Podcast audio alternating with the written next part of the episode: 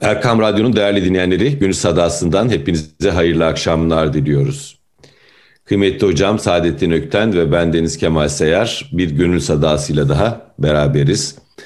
Hocam merhaba. İnsanlık çok zor dönemlerden geçiyor. Ee, biraz güncele de değinerek gidelim istedim e, bu hafta. E, malum haliniz yanı başımızda bir savaş cereyan ediyor. Evet. Fakat biz güncel, aktüel olanı konuşmak yerine insan ruhundaki yıkıcı olan şeyleri, insanın kendini nasıl imar edebileceğini, medeniyeti nasıl imar edebileceğini konuşmamız lazım. Şimdi bir yandan bakıyoruz, e, sizinle e, zaman zaman konuşuyoruz Zweig'ın Dünün Dünyası adlı e, eserinden. Evet. Büyük bir yılgınlığa kapılmış bir yazar Dün yeniden ön sözünü okudum.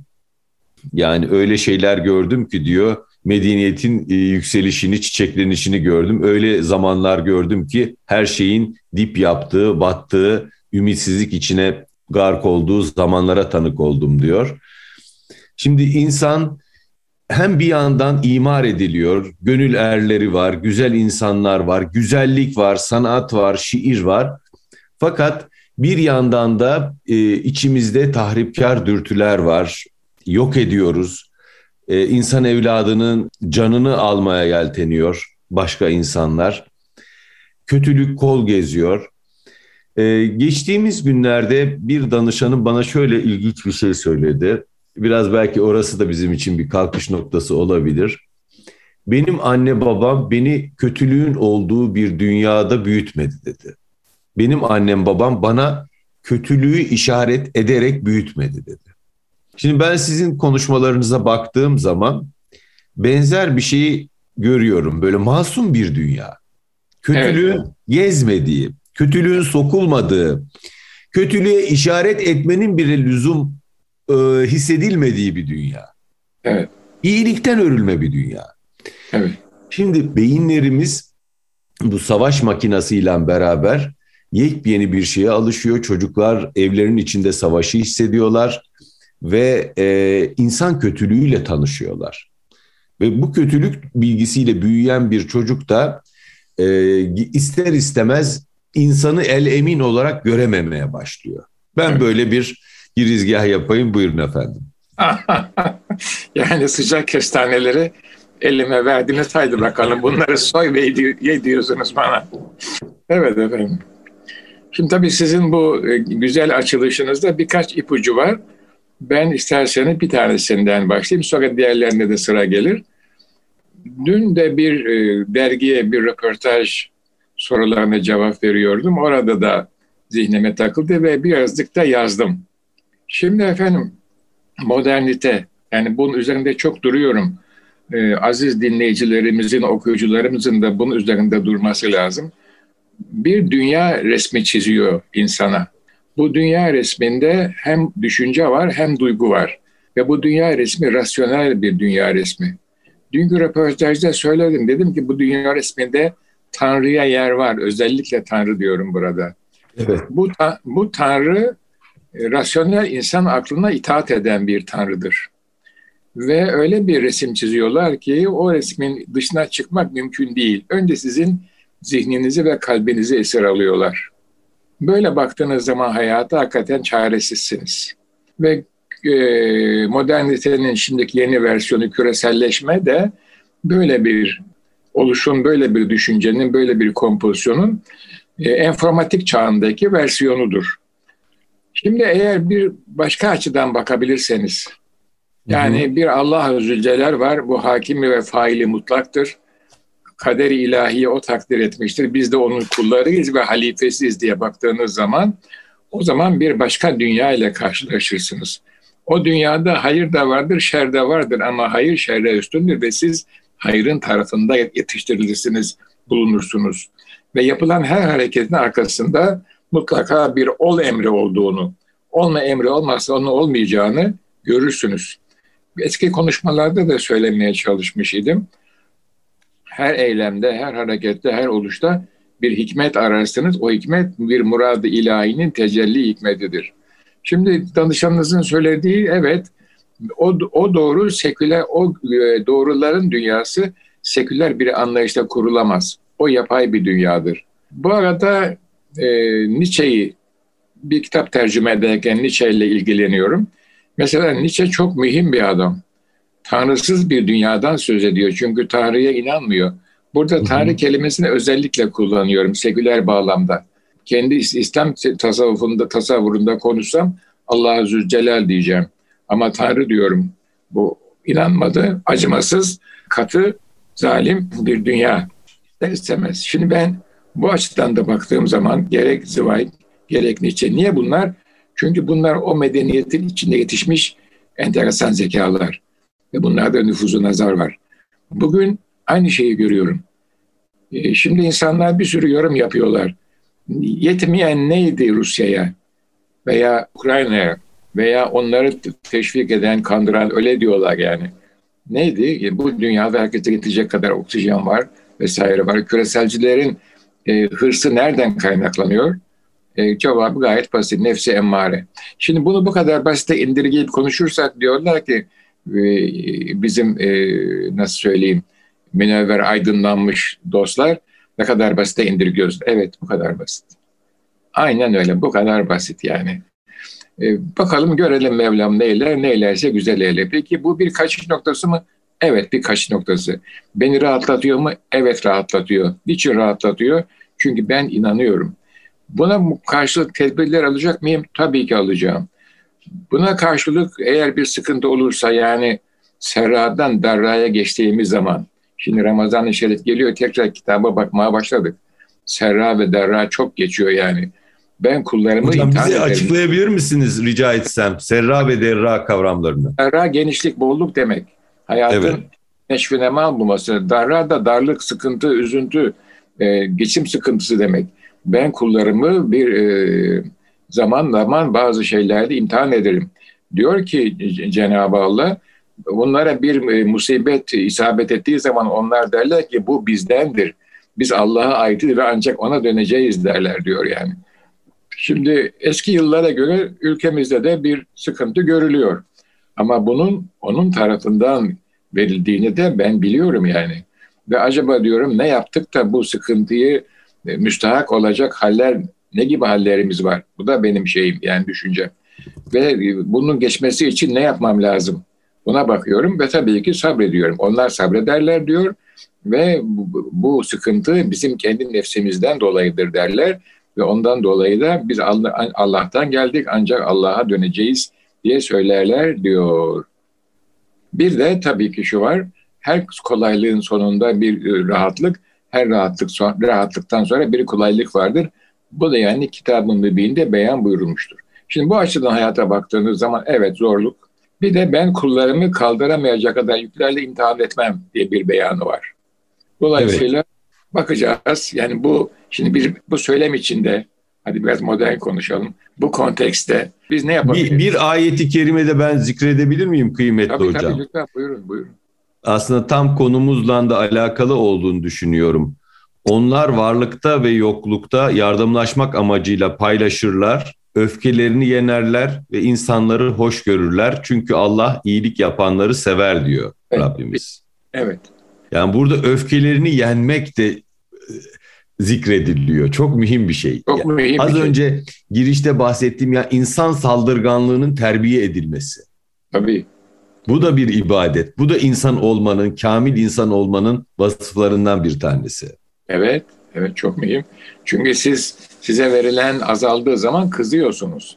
Tepki gösteriyorsunuz. Yüzünüz asılıyor, söylenmeye başlıyorsunuz ve Allah muhafaza şiddette dönüşüyor bu hadise. Ve bunu kullanıyor sosyal mühendisler kitleler harekete geçiriyorlar. Yakıyor, yıkıyor, yok ediyor, tarumar ediyor. Kendinden götürüyor esasında. Sosyal bir e, mühendisin arzu ettiği şeyi yapıyor. O yani normal düzenli yıkamayacağı şeyi kitleleri mobilize ederek yerine getiriyor. Evet aynen öyle. Yalnız böyle bir anlayış içerisinde yetişmesi lazım insanların. Bu sonradan okunan bilgi niteliğini kazanmış bir söylem olmaması icap ediyor. Burası çok önemli.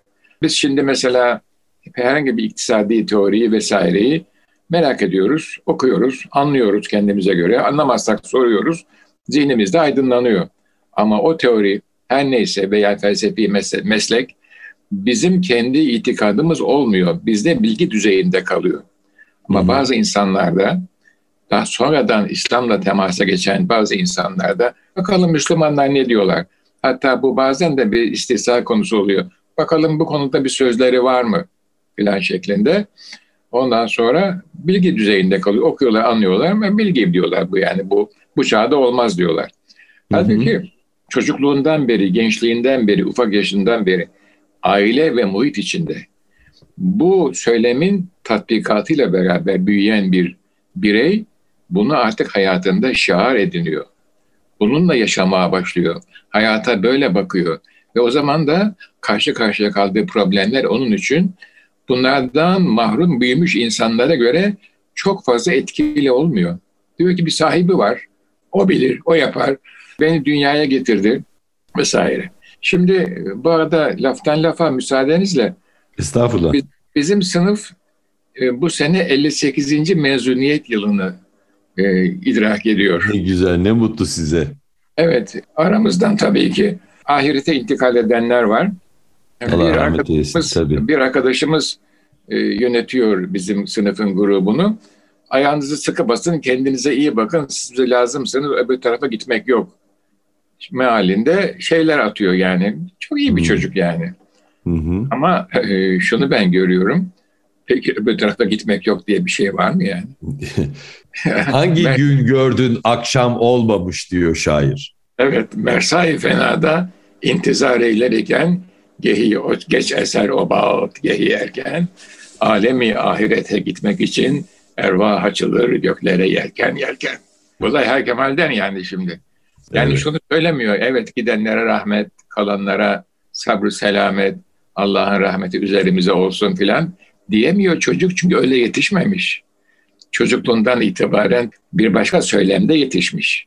Hocam Gerçek... şimdi o kadar tabii bir dünyanın kapanışının başka ve ebedi bir dünyanın açılışı olduğunu idrak etmediğimiz zaman ölümü bir yenilgi olarak mütalaa ediyoruz.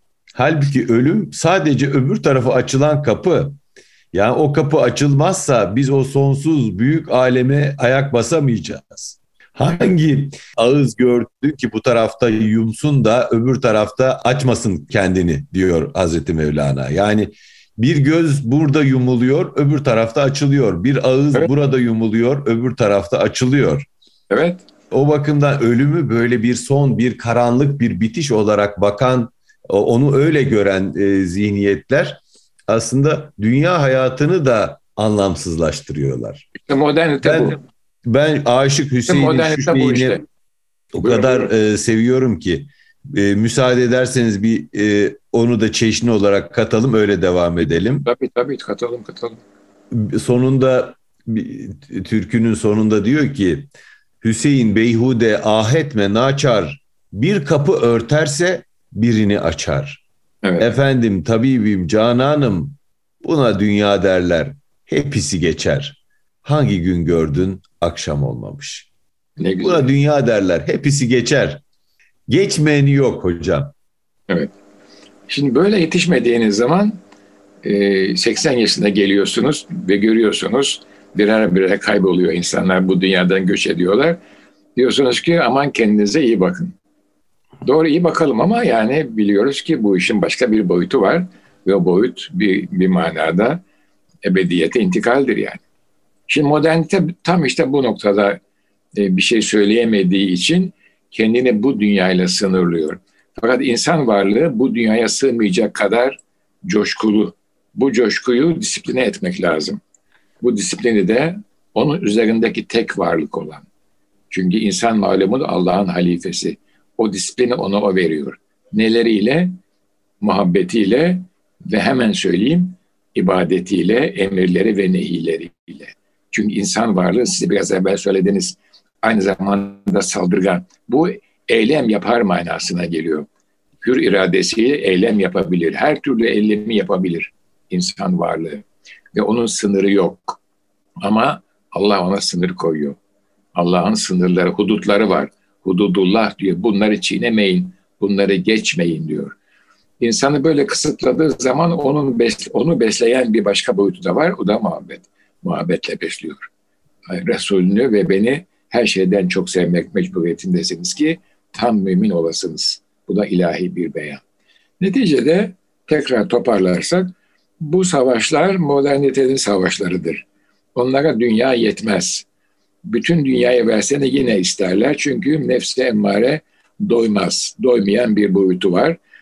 Bu kadar basit mi? Evet bu kadar basit. E, bendeniz iyi kötü. Yani Türkiye'ye göre iyi de batıya göre o kadar iyi değil. Bayağı okudum. Modernitenin de temel kabulleri var. O kabulleri tartışmıyorlar. Çünkü onlar tartışılacak kabuller değil. Onlar üzerine bir dünya bina ediyorlar. Bu o kabulleri tartışan filozofları var. Onları hayatın dışına itiyorlar e, veya onlara irrasyonel diyorlar. Mesela bunlardan bir tanesi benim kanaatime göre Friedrich Nietzsche. Dahi bir adam ama modernitenin temel kabullerine karşı çıktığı için onu akıl hastası olarak nitelendirmişlerdir. Ve hayatının son döneminde onu şeye kapatıyorlar. Bir e, sinir hastalığı evine kapatıyorlar ve orada ölüyor adam. Böyle bir anlayışım var. Benim de temel kabullerim var. Burada Yunus giriyor devreye. Er yarın hak divanında belli olur diyor. Evet.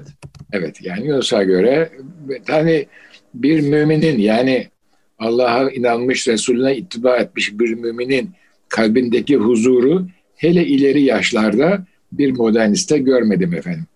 Batı dünyasında da modernistler tanıdım, hocalarım vardı. Onlarla konuşuyorduk. Bir 30'lu yaşların başında bir de 40'lı yaşların başında iki uzun zaman kaldım Batı dünyasında. Hocalarla konuşuyorduk. Bunlar modernist insanlardı. Tırnak içinde iyi insanlardı. Yani kendi medeniyetlerine hizmet ediyorlardı. Bazı e, bizim modernistler gibi kendi medeniyetimizin altına oymuyorlardı. Modernist insanlardı ama onlardaki psikoloji ile ileri yaşta bir Müslümanın psikolojisi arasında ciddi bir fark var. Orada her şey bitiyor. Yani son diyor yani bu yaşadın yaşadın. Kaçın bu, bu faslı bahardan sonra bir daha faslı bahar yok. Böyle yani benim anladığım kadarıyla şu anda olan da zahirde iki Slav ırkı veya iki Slav aşireti kapı kapışıyorlar. Sarı saçlar, mavi gözlüler bu dünyadan ayrılıyorlar. Siyah gözlü ve siyah saçların ayrılması problem değildi. Evet. Ama sarı saçlı mavi gözlü ayrılınca çok büyük problem oldu efendim. Yani Hocam şimdi bu da çok tartışıldı. Şöyle bir şey var modern medeniyette.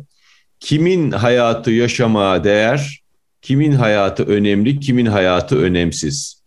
Kimi harcayabiliriz, kimi harcayamayız. Kimin yaşamaya hakkı var? Kimi sınırlardan içeri alabiliriz? Mesela Afrika kökenli öğrencilerin hepsinin sınırlardan geri itildiğini öğrendik bu son evet. E, süreçte. Evet. evet. Yani bir tür hayata farklı değerler biçiliyor. Senin hayatın daha değerli, senin hayatın daha değersiz gibi. Ama Hatta söyleme çok... değil. Söylem öyle değil. Söylem çok muhteşem. Fransız Tabii. E, e, doğal haklar ve insan bildirgesi, Amerikan bağımsızlık bildirgesi öyle söylemiyor. Ve bunlar bize mekteplerde böyle okutuldu. İnsan hakları, insan insanın kutsiyeti vesairesi ama uygulamaya geldiğiniz anda görüyoruz. Tabii ben bu macerayı, pardon sözünüzü kestim ama bir anda kendimi alamadım. Ben bu macerayı eskiden yaşadım yani okuduklarımla karşılaştırdım. Sonra kendi beyanlarıyla karşılaştırdım. Bunun böyle olmadığını gördüm. Beyaz insan evet. dünyanın diğer yerlerindeki insanlar köledir. Tabii. Anlayış bu. Bu anlayış hala devam ediyor. Şimdi bir karikatür var. Karikatürün altında refugees welcome diyor. Mülteciler hoş geldiniz büyük harflerle. Üstüne de e, bir grup botla da adaya yaklaşan mülteci var. Bakıyorlar, okuyorlar o büyük levhayı. Üstünde şöyle yazıyor yalnız. Üst veya orta sınıf, uzun, pek şişman olmayan, beyaz, iyi yetiştirilmiş, Hristiyan, eğitimli, genç mülteciler hoş geldiniz. Alttaki hoş geldiniz büyük. Tabii. Tabii siyah derili, derili ve kendilerinden farklı olan, farklı inanç Bu şey istemiyorlar. Kemal. Onların hayatını da hayat olarak kabul etmek istemiyorlar. Bir feminist yazar vardır, Judith Butler. O ilginç bir saptama yapmıştı. Irak e, tespit yapmıştı diyelim. Daha güzel. Bu saptama kelimesi pek güzel olmuyor. Bir tespit yapmıştı yası tutulabilir hayatlar var, yası tutulamayan hayatlar var demişti. Irak'ta öldürülen milyonların yası tutulamayan hayatlar olarak kayda geçtiğini, onların bir istatistik e, nesne haline geldiğini, halbuki batıda bir kişi, iki kişi bile ölse bununla ilgili büyük bir patırtı, gürültü koptuğunu ve yasının tutulduğunu söylemişti. Doğru, evet.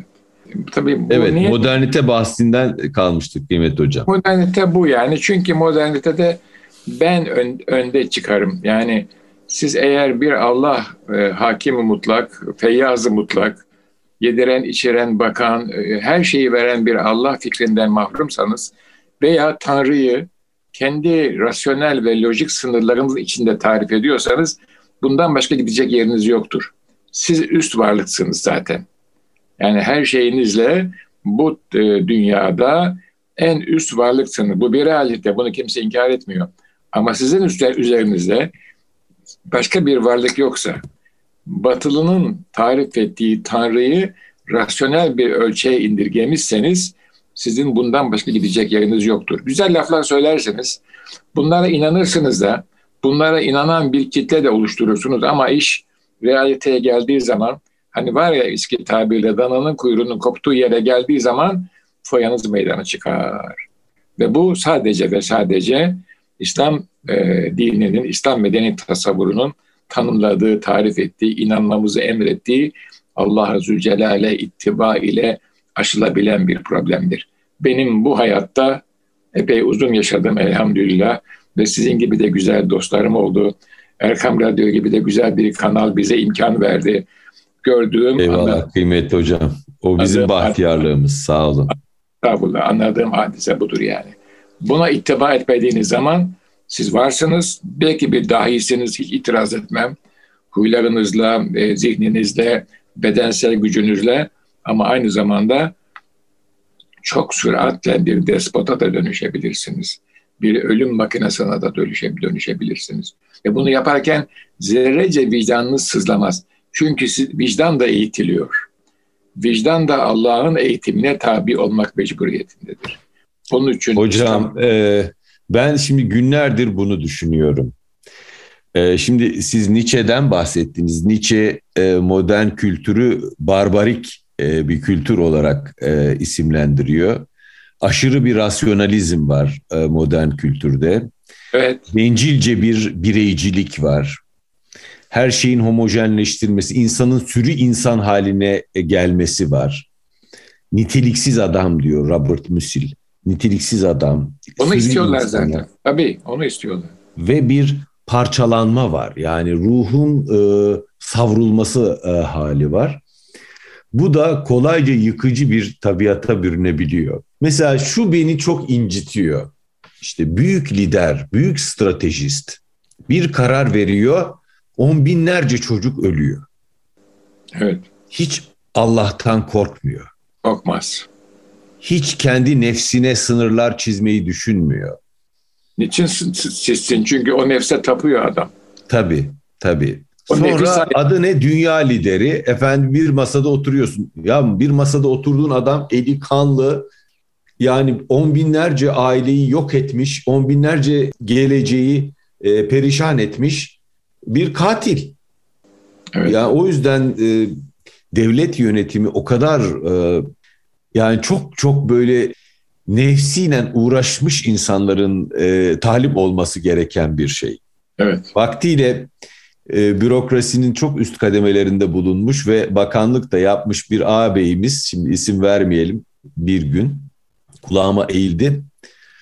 Kemal'cim dedi tekke terbiyesinden geçmemiş adamı dedi siyasete almayacaksın dedi. Önce nefsiyle meselesini halletmesi lazım bir insanın dedi. Bunu şunun için söyledi. Güçlü siyasi figürlere tabaspus eden insanları görüyorduk etrafımızda o sırada.